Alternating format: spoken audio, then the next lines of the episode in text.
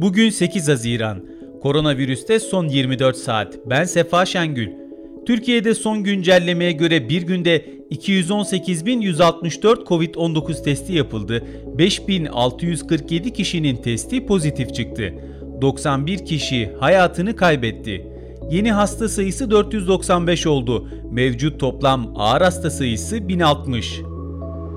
Sağlık Bakanlığı'nın COVID-19'a karşı yapılan aşı bilgilerine yer verdiği internet sitesinde yer alan anlık verilere göre 8 Haziran saat 13.03 itibarıyla uygulanan birinci doz aşı sayısı 17 milyon 992 bin 630 olurken ikinci doz aşı sayısı 13 milyon 259 bin 866 oldu. Böylece uygulanan toplam aşı sayısı 31 milyon 252 bin 496 olarak hesaplandı. Covid-19'la mücadele sürecinde Haziran'a ilişkin kademeli normalleşme kapsamında Türkiye genelinde ortaokul ve liselerde yüz yüze eğitime geçildi. Tüm ilkokullar ve okul bünyesindeki ana sınıflarında haftada iki gün, köy ve seyrek nüfuslu yerleşim yerlerindeki okullardaysa haftanın 5 günü tam zamanlı yüz yüze eğitim 1 Haziran itibarıyla başlatılmıştı. Tüm ortaokul ve liselerde ise yüz yüze eğitime haftada 2 gün olacak şekilde bugün geçildi. Dünyadan gelişmelerse şöyle. ABD'nin güney eyaletlerinde Covid-19 aşı uygulamasının beklenenden daha yavaş ilerlediği, yazın bu bölgelerdeki vakalarda yeni bir dalgalanma görülmesinden endişe edildiği belirtildi. Amerikan biyoteknoloji firması Moderna, Avrupa Birliği ve Kanada'daki gençlere yönelik COVID-19 aşısı onayı için başvuruda bulunduğunu duyurdu. Almanya'da bugünden itibaren 12 yaş üzerindeki herkese herhangi bir öncelik sıralaması olmadan COVID-19 aşısı olma imkanı getirildi. İspanya, COVID-19 salgınının turizm üzerindeki olumsuz etkilerini azaltmak için aşı olma veya PCR'la hızlı antijen testlerini sunma zorunluluğuyla bugünden itibaren kapılarını turistlere açtı.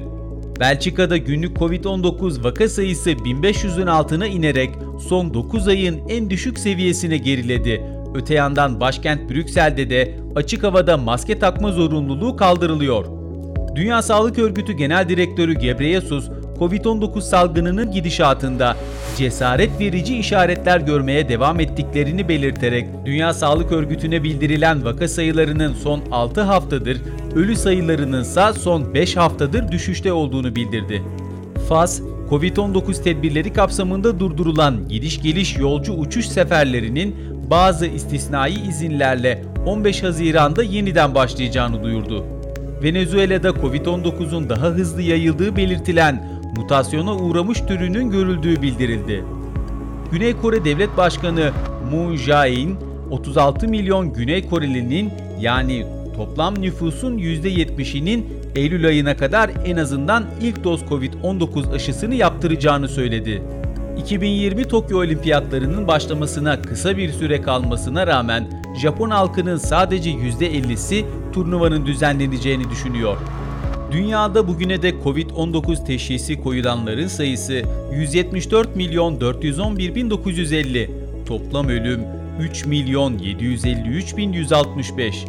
Anadolu Ajansı'nın hazırladığı koronavirüste son 24 saatten bugünlük bu kadar. Hoşçakalın. Spotify, SoundCloud, Apple Podcast ve diğer uygulamalar. Bizi hangi mecradan dinliyorsanız lütfen abone olmayı unutmayın.